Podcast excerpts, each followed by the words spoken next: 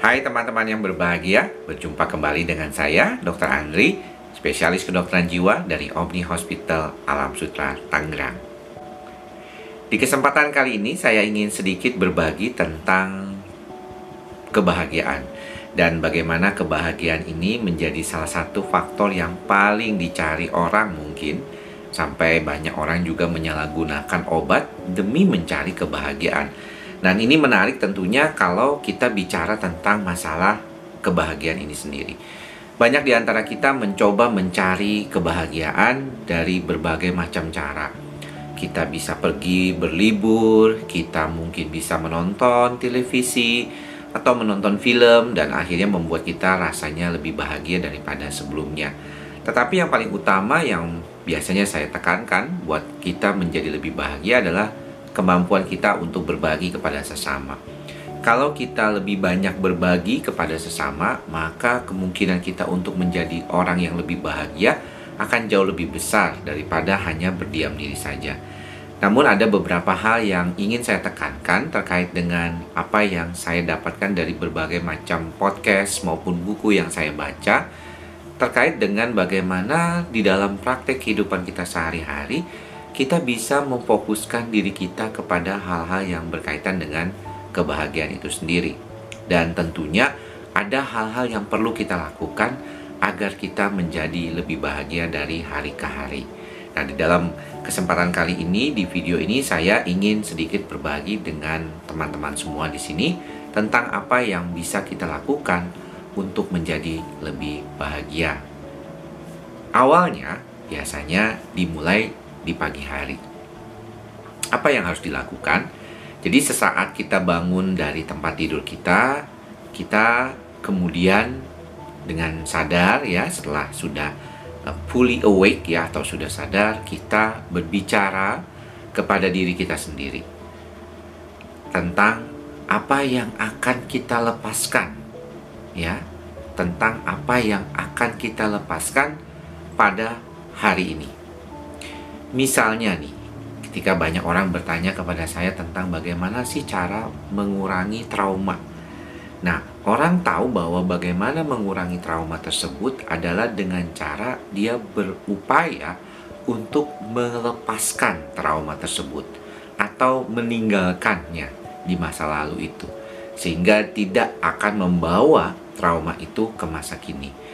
Trauma terjadi di masa lalu, maka tidak seharusnya dia berada pada masa kini dan mempengaruhi kehidupan kita.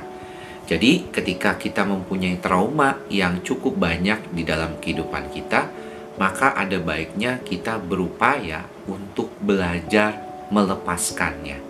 Belajar untuk mempunyai cara melepaskan itu dengan lebih baik lagi. Dan kita perlu memahami bahwa cara melepaskannya tersebut sebenarnya kita perlu lakukan setiap hari. Jadi tidak bisa kita hanya mengatakan pada diri kita bagaimana sih mengurangi trauma yang ada di dalam hidup saya, bagaimana sih membuat saya jadi lebih bahagia karena saya tidak mau hidup di dalam bayang-bayang trauma saya. Tetapi Anda tidak melakukan apa-apa, maka akan sulit sekali. Jadi yang paling pertama yang harus kita lakukan adalah bagaimana kita berupaya untuk melepaskan trauma kita ini dari kehidupan kita. Dan salah satu caranya adalah di saat bangun tidur, kita berbicara kepada diri kita apa hal yang ingin kita lepaskan. Dan ucapkanlah kata-kata tersebut.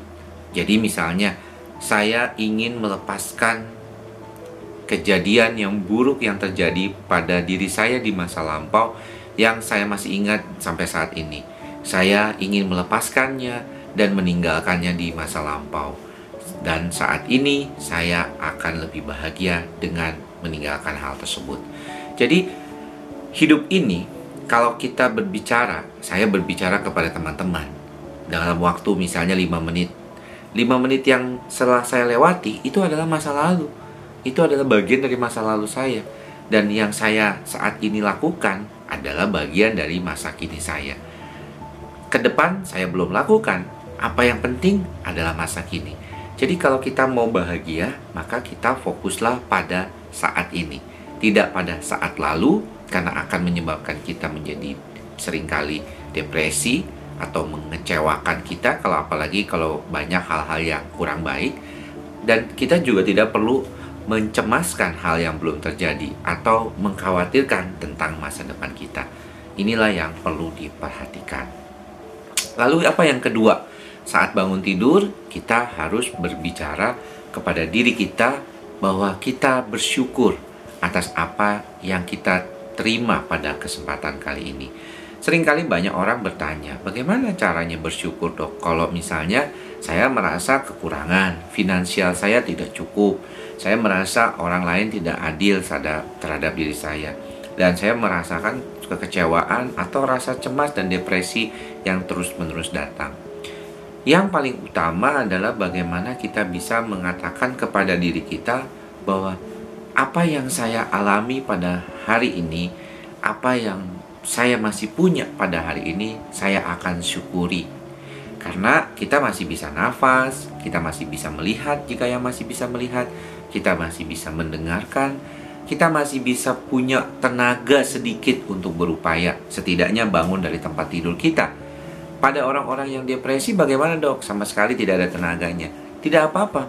Di antara sekian banyak itu, maka kita perlu mensyukuri bahwa kita masih bisa merasakan perasaan kita, kita masih bisa merasakan adanya hal yang tidak baik pada diri kita dan kita mengupayakan bahwa hal itu bisa kita lakukan untuk diperbaiki.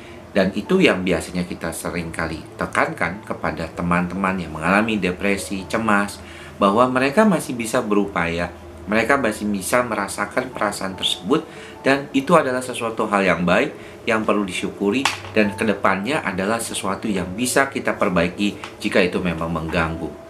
Jadi tidak ada alasan bahwa kita tidak bisa melakukan apa-apa karena kita tidak punya tenaga. Nah, yang ketiga, lanjutan dari yang tadi, yang kedua yang dipenuhi rasa bersyukur bahwa kita masih punya sesuatu yang kita miliki saat ini. Yang ketiga adalah di saat bangun tidur, kita belajar untuk mulai fokus pada apa yang kita ingin raih. Melakukan afirmasi yang positif terhadap apa yang ingin kita lakukan. Seringkali, kadang-kadang kita lupa karena terlalu sibuk. Kita lupa melakukan afirmasi dengan diri kita karena mungkin kita bangun tidur langsung lihat HP, kemudian kita lihat uh, WhatsApp atau WhatsApp grup atau mungkin juga melihat berita, melihat media sosial. Tetapi kita lupa untuk belajar memfokuskan diri kita kepada sesuatu hal.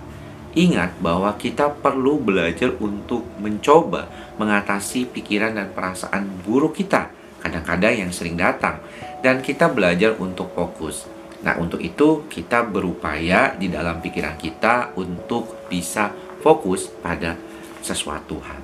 Dan ini menjadi hal yang sangat penting dan sering kali kali saya ucapkan kepada pasien-pasien saya juga bahwa berikanlah fokus kepada tujuan kita apa yang kita ingin capai di dalam kehidupan ini dan itu menjadi hal yang sangat penting untuk bisa mengelola pikiran kita sendiri. Jangan sampai kita dikuasai oleh pikiran-pikiran yang tidak baik.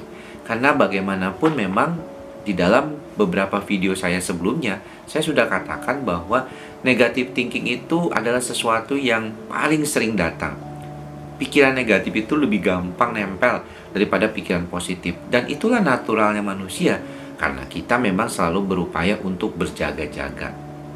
Maka daripada itu adalah penting untuk mengatakan kepada diri kita bahwa kita akan mencapai tujuan kita. Kita akan fokus pada apa yang menjadi tujuan kita.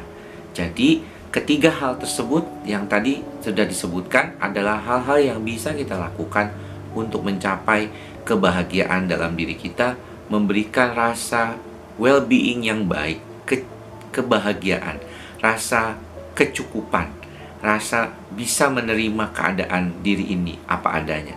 Dan itulah sangat penting di dalam praktek kehidupan kita, bagaimana kita mengelola pikiran dan perasaan kita untuk menjadi lebih baik lagi. Demikian apa yang bisa saya sampaikan kali ini. Semoga bermanfaat buat teman-teman semua dan jangan lupa untuk selalu menjaga kesehatan jiwa dan raga supaya kita mendapatkan satu manfaat yang baik untuk ke depannya.